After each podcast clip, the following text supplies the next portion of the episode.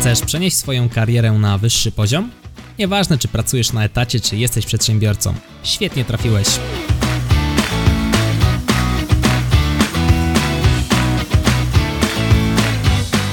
Nazywam się Michał Kowalczyk i witam Cię w Excellent Work Podcast.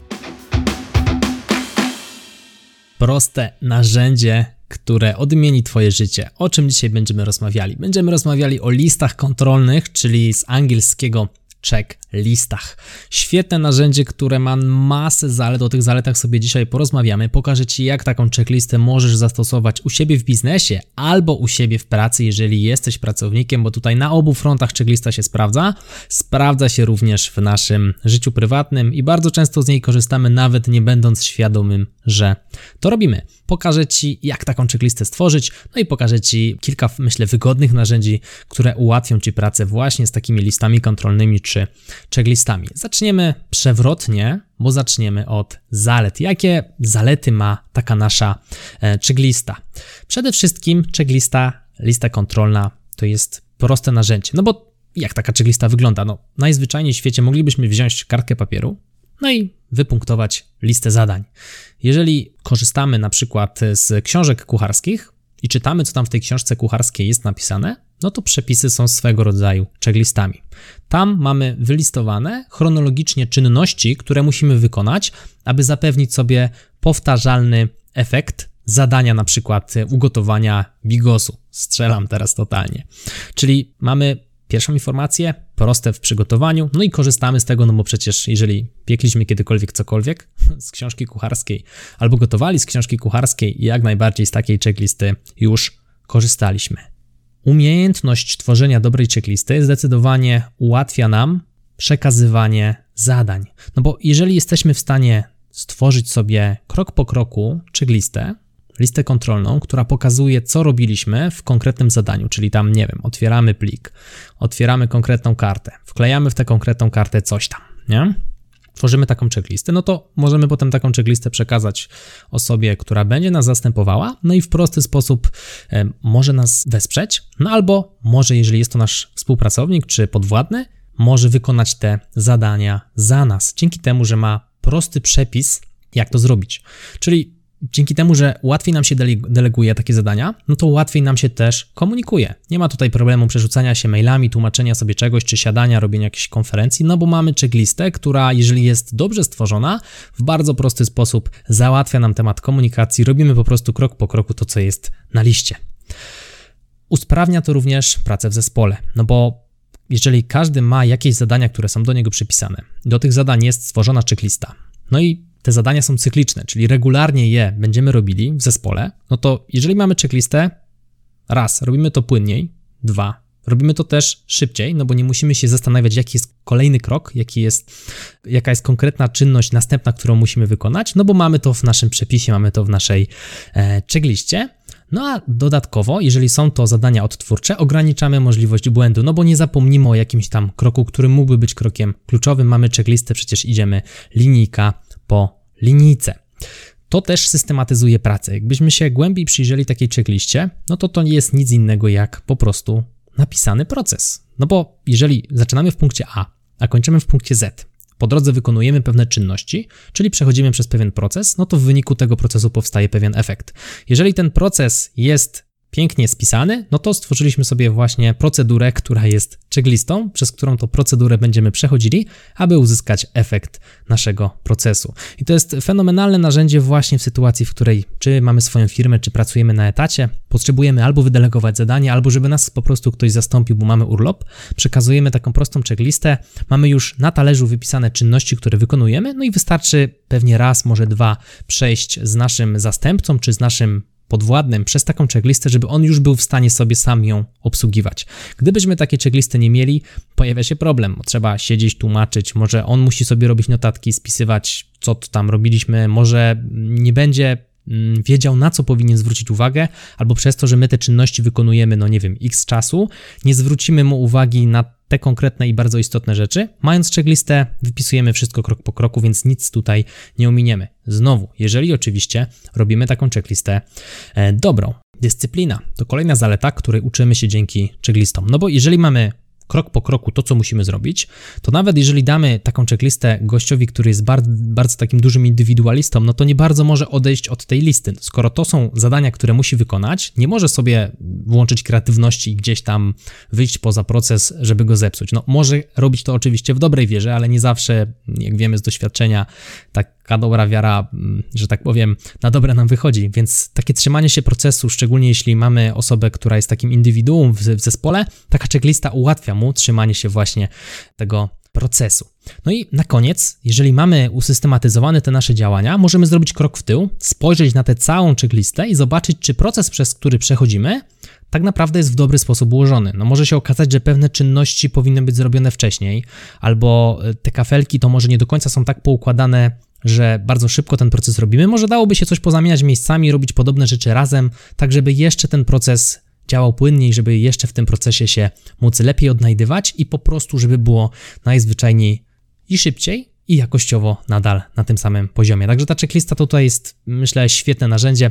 Zresztą tyle zalet, które e, przed chwilą wylistowaliśmy, to naprawdę, no myślę, przemawia za korzystaniem z tych checklist. No i teraz zastosowania. Zacznijmy od amerykańskiego lotnictwa. Znalazłem informację, że w 1300, przepraszam, 1300, 1900 oczywiście 35 roku Amerykanie na podstawie checklisty zamawiali samoloty do swojej armii. To wynikało z jakiejś tam katastrofy i w wyniku właśnie tej katastrofy stwierdzili, że zamawianie na podstawie checklist zapobiegnie pewnym błędom, no i faktycznie to działało, więc już w 1935 roku tutaj checklisty były istotnym punktem w lotnictwie. No i do dzisiaj korzysta się z tych checklist. Na przykład przed startem samolotu piloci mają listę rzeczy, którą muszą odhaczyć zanim wystartują, dla przede wszystkim naszego bezpieczeństwa. Ale lotnictwo to nie jest jedyna branża, która korzysta z checklist. Z checklist korzysta na przykład medycyna. No i przykład, jeżeli kończy się operacja, osoby, które w tej operacji brały udział, czy tam pielęgniarki, liczą wszystkie chusty, narzędzia itd., tak itd., tak odhaczają te, które są w odpowiedniej ilości przed i po. No, chodzi o to przede wszystkim, żeby nie zaszyć pacjentowi czegoś w brzuchu. Oczywiście jest to jeden z e, przykładów checklisty, na pewno tych checklist w medycynie jest zdecydowanie więcej. Jak ja na przykład stosuję takie checklisty? Ja regularnie co środę robię bezpłatny facebookowy live o Excelu. No i co środę, z racji tego, że dzieje się to cyklicznie, robię pewne czynności, które umożliwiają mi stworzenie tego live'a. Oczywiście proces przygotowania jest długi, trwa od praktycznie czwartku do środy, natomiast każdy dzień ma swoją checklistę, każdy dzień ma kroki, które wykonuje, aby ten live mógł powstać. Natomiast skupmy się na tej ostatniej części, czyli już same, samym przygotowaniu się do live'a, czyli mam na mojej checkliście takie punkty jak na przykład zmień rozdzielczość na ekranie, włącz lampy przednie, włącz lampy tylnie, Chodzi o to, że mam oświetlenie z przodu i oświetlenie kontrujące. Sprawdź ustawienie kadru, włącz mikrofon, włącz program do streamowania, włącz program do obsługi mikrofonu, włącz program do rysowania na ekranie. Widzimy, że te czynności tak naprawdę nie są skomplikowane, ale gwarantują mi to, że wszystko włączę. Gdybym jednej rzeczy nie włączył, no to live mógłby zostać położony na przykład nie mógłbym rysować na ekranie, a niestety w czasie live'a już nie mogę tego włączyć, bo nie zawsze to działa tak jak powinno. No z wyłączonym mikrofonem też ciężko się live'a prowadzi, nie? Kwestie typu wycisz telefon, wyłącz dźwięk w komputerze, tak żeby tylko cię było słychać, ale żeby mikrofon nie zbierał tego, co się dzieje w komputerze, żeby głośniki nie wyrzucały na przykład jakichś błędów. Taka checklista zdecydowanie ułatwia mi em, pracę. Szczególnie przy tak cyklicznym zadaniu, jakim jest właśnie ten cośrodowy, bezpłatny, facebookowy live. Ok, przygotowanie podcastu to również jest poparte checklistą, czyli ja mam kroki, które muszę wykonać, abym mógł teraz do Ciebie mówić i nawet jak ja teraz do Ciebie mówię, to jadę po checkliście. Przygotowałem sobie agendę, e, po której krok po kroku przechodzę i znów ten krok po kroku to jest swego rodzaju checklista. Ona jest trochę inna niż pozostałe, bo robię ją tylko raz, jednokrotnie, Potem ta checklista zostaje zarchiwizowana, no bo każdy odcinek jest unikatowy, nie tworzę dwa razy tego samego odcinka. Natomiast sam proces przygotowania podcastu już jest poparty checklistą, która regularnie co tydzień jest przeze mnie odhaczana, czyli kwestie typu właśnie już przed samym nagraniem jakieś przygotowanie mikrofonu, narzędzi do nagrywania, rozstawienie lamp, Dla tych osób, które oglądają mnie w tym momencie na YouTube, widać, że tutaj ta lampa przede mną się świeci, z tyłu również widać światło kontrujące, ale nawet i wcześniejsze etapy typu wymyślenie nazwy odcinka, zrobienie odpowiednich badań, researchu do tego odcinka, przygotowanie sobie agendy, to to są rzeczy, które robię cyklicznie, no bo bez tych rzeczy nie mógłbym wyprodukować kolejnego odcinka podcastu. Fajną przestrzenią do tego, aby przygotowywać checklisty, jest na przykład przygotowanie się do jakiegoś konkretnego wyjazdu albo w ogóle do wyjazdu. No zazwyczaj jak opuszczamy dom na dłużej niż jeden dzień, wypada wziąć ze sobą takie rzeczy jak jakaś pasta do zębów, szczoteczka, może jakiś e, płyn do kąpieli, może ręcznik, znów zależy. Natomiast warto takie rzeczy sobie gdzieś tam spisać, mieć taką kartkę nawet w biurku włożoną, po to, żeby potem nie było paniki czy tam siedzenia gdzieś tam na sofie i się zastanawiania, co ja bym jeszcze mógł zabrać. Jeżeli za każdym razem tę checklistę będę wyjmował i sprawdzał, i sobie ją aktualizował, jeżeli na przykład przyjadę do hotelu i okaże się, że kurczę, no ja tam jednak czegoś zapomniałem, no to wystarczy dopisać do tej listy albo wrzucić sobie notkę w kalendarzu, jak wrócisz do domu, to dopisz do checklisty wyjazdowej to, to i to. To jest dość błaha sprawa, natomiast zdecydowanie ułatwia.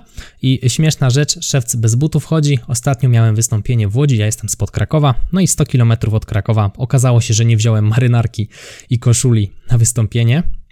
Natomiast było to spowodowane nie brakiem checklisty, tylko tym, że marynarka i koszula były w innym miejscu niż zwykle. I z rozpędu wziąłem wszystko, i rolapa, i komputer, i wszystko, i wszystko, a zapomniałem o marynarce, bo marynarka była w innym pomieszczeniu niż zwykle. Więc tutaj moja rutyna mnie zjadła. No, jest nauczka. To już wręcz tradycja. Rok temu do Łodzi zapomniałem butów. Na wszystkie inne pozostałe wystąpienia wszystko działa jak najbardziej, więc tu gdybym miał checklistę i rano przechodził, na pewno wszystko byłoby ok. Dobra, no to jakiś kolejny przykład. Jeżeli idziesz na rozmowę o pracę i nie jest to Twoja pierwsza rozmowa o pracę, no to być może takie przygotowanie checklisty nie jest głupim pomysłem. Czyli na przykład sprawdź, czy wziąłeś trzy egzemplarze CV. Sprawdź, czy dowiedziałeś się wszystkiego, co chciałbyś wiedzieć o firmie. Sprawdź, czy wiesz, na jakie aplikujesz stanowisko. Sprawdź, czy znasz imię osoby, do której masz się odwołać w, w momencie, kiedy pojawisz się w budynku. Sprawdź, czy znasz adres miejsca, w którym masz być. Sprawdź, czy znasz nazwę sali. Cokolwiek, prawda? Mamy taką checklistę, która jest powtarzalna, no bo to są rzeczy, które będą się działy praktycznie na każdej rozmowie o pracy. Mając taką checklistę, zwiększamy swoją szansę na to, że A nic nie zapomnimy, B będziemy się czuli pewnie, no bo przecież mamy tę checklistę i wszystko jest dopięte na ostatni guzik, więc ten poziom stresu będzie na pewno ciutkę mniejszy niż gdybyśmy cały czas myśleli, kurczę, a czy ja to zrobiłem, czy ja tam to zrobiłem, czy ja wziąłem, czy ja mam wszystko. Więc nawet przy takim przypadku jak rozmowy o pracy, które znów są cykliczne, prawda? No bo rzadko kiedy przy pierwszej rozmowie o pracy zostajemy przyjęci, warto taką checklistę jak najbardziej gdzieś tam mieć, czy papierową, czy w innych miejscach, a do tego jak je zrobić za moment zajdziemy. Przykład jeszcze jeden, myślę już ostatni, kiedy my korzystamy z checklisty, bardzo często rano i to nie jest tak, że my z niej korzystamy w papierze, tylko odtwarzamy ją z głowy. Mamy pewne swoje rutyny, prawda? Czyli wstajemy, coś robimy konkretnego ABCD, czyli nie wiem, wstajemy, może modlimy się, może potem idziemy coś zjeść, może potem myjemy zęby, może potem się ubieramy, może potem bierzemy torbę, może potem wsiadamy w samochód, może potem jedziemy do pracy.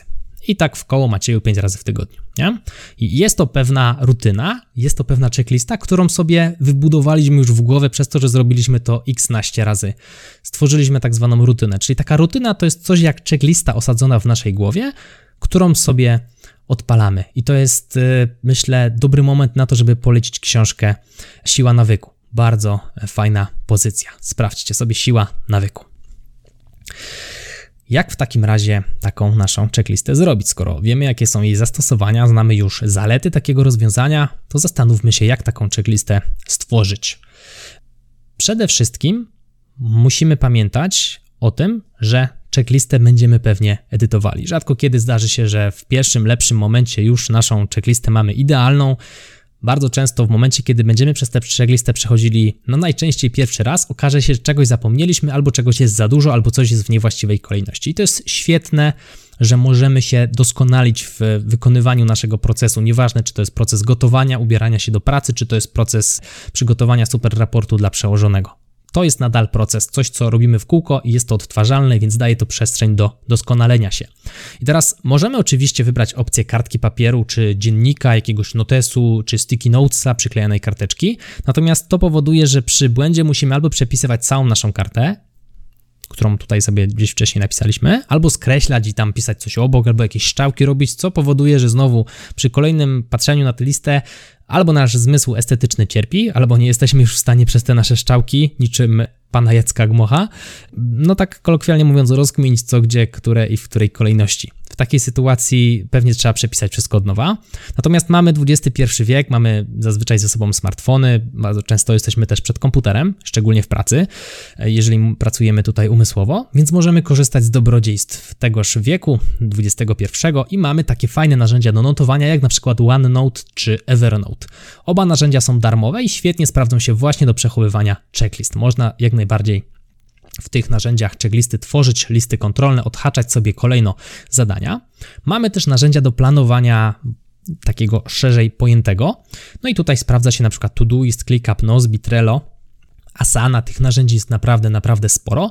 W tych narzędziach również jak najbardziej takie checklisty możemy tworzyć. One będą się na przykład odnawiały co jakiś konkretny przedział czasu. Możemy wybrać na przykład, żeby się co tydzień w poniedziałek jakaś tam konkretna checklista dotycząca jakiegoś konkretnego zadania odnawiała, zerowała i czyściła, żebyśmy mogli przez nią po raz kolejny przejść. Więc tutaj faktycznie ten XXI wiek nam mocno pomaga.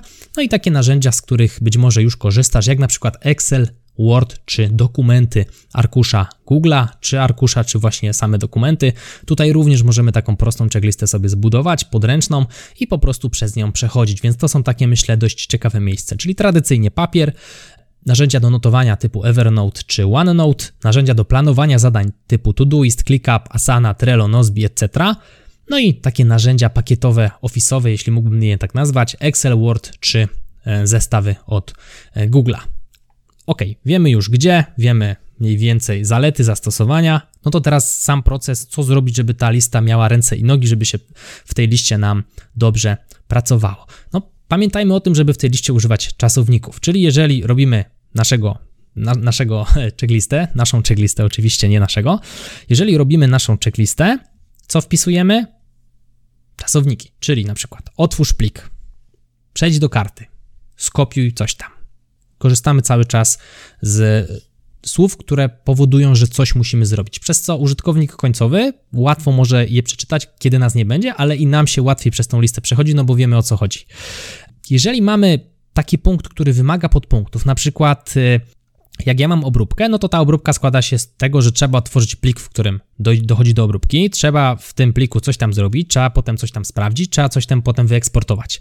I cała checklista składa się nie tylko z tego kroku obróbki, ale też z jakichś tam innych kroków, które powodują, że na przykład to wideo, które teraz nagrywam w międzyczasie, jak nagrywam podcast, wyląduje na YouTubie. I teraz, skoro mam jakiś etap, który składa się z podetapów, mogę w checkliście zrobić wcięcie, które spowoduje, że stworzę taką jakby małą osadzoną w środku checklisty checklistę. No i tam zaczynam znowu od pauz. Kolejnym przykładem może być, jeżeli wyjeżdżasz gdzieś i chcesz zabrać kosmetyczkę, która jest jedną z części składowych rzeczy, które zabierzesz na wycieczkę. Więc możesz tak zrobić. Zabierz piżamę, nie? Zabierz dwie pary skarpetek, nie? Zabierz kosmetyczkę, a pod spodem dwukropek i co tam w tą kosmetyczkę chcesz włożyć. Czyli na przykład pasta do zębów, tutaj już nie trzeba czasowników, prawda? Pasta do zębów, tam nie wiem, obcinaczki do paznokci i tak dalej, i tak dalej. Szczoteczka. I tutaj mamy osadzoną znów taką małą checklistę jako kolejny przykład.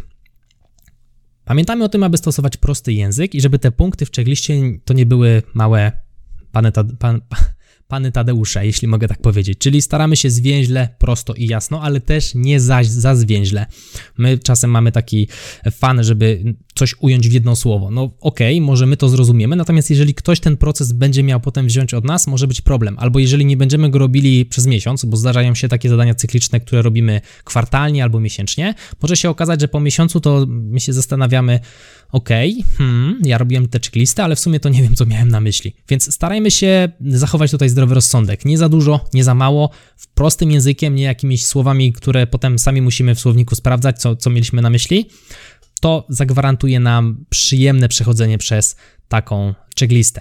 Jeżeli ta checklista ma być wykonana dla kogoś i ty delegujesz pracę, warto na samym końcu tej checklisty, czy w miejscach, gdzie są takie bardzo kluczowe punkty, takie kamienie milowe przechodzenia przez checklistę, dodać taki punkt potwierdź wykonanie tej części albo potwierdź wykonanie tego podpunktu. Typu, nie wiem, wyślij mi maila albo oznacz mnie w narzędziu do planowania zadań, że ten podpunkt został zrobiony, bo on jest kluczowy. To powoduje, że my wiemy, że ktoś już rozpoczął proces przechodzenia przez naszą checklistę, no i te kamienie milowe zostały wykonane. To są te kamienie milowe, które powodują, że to zadanie jest zrobione i będzie ono szło dalej, bo te konkretne punkty muszą zostać zrobione, żeby całe zadanie zostało e, dowiezione. Kolejny, myślę, dość istotny punkt. Pamiętajmy też o tym, że to, o tym już tutaj wspominaliśmy. Checklista to jest taki twór płynny, czyli jeżeli sobie ją zrobimy, musimy ją przejść, bardzo często coś sobie dopiszemy, coś sobie usuniemy. No i pamiętamy też o tym, żeby raz na jakiś czas ją coś tam zmieniać. No procesy się nam zmieniają, to nie jest tak, że coś, co robimy dziś w taki konkretny sposób, za pół roku będziemy robić tak samo. Warto pamiętać o tym, że może zmieniamy kolejność, może coś usuwamy, może coś dodajemy. To checklista ma być dla nas, a nie my dla checklisty, prawda? Pamiętajmy o tym, jeżeli z tej checklisty korzystamy, no i dbajmy o to, żeby ona była regularnie aktualna.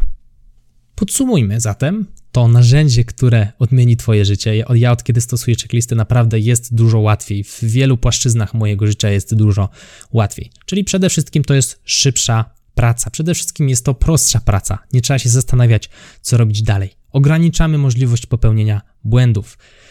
To jest bardzo tanie narzędzie, które na dobrą sprawę moglibyśmy zrobić za pomocą długopisa i kartki papieru i nie wymaga uczenia się od nas jakichś super turbo trudnych technik czy metodyk banalne, wręcz bym powiedział, mamy to wbudowane fabrycznie. Przechodzenie od punktu do punktu.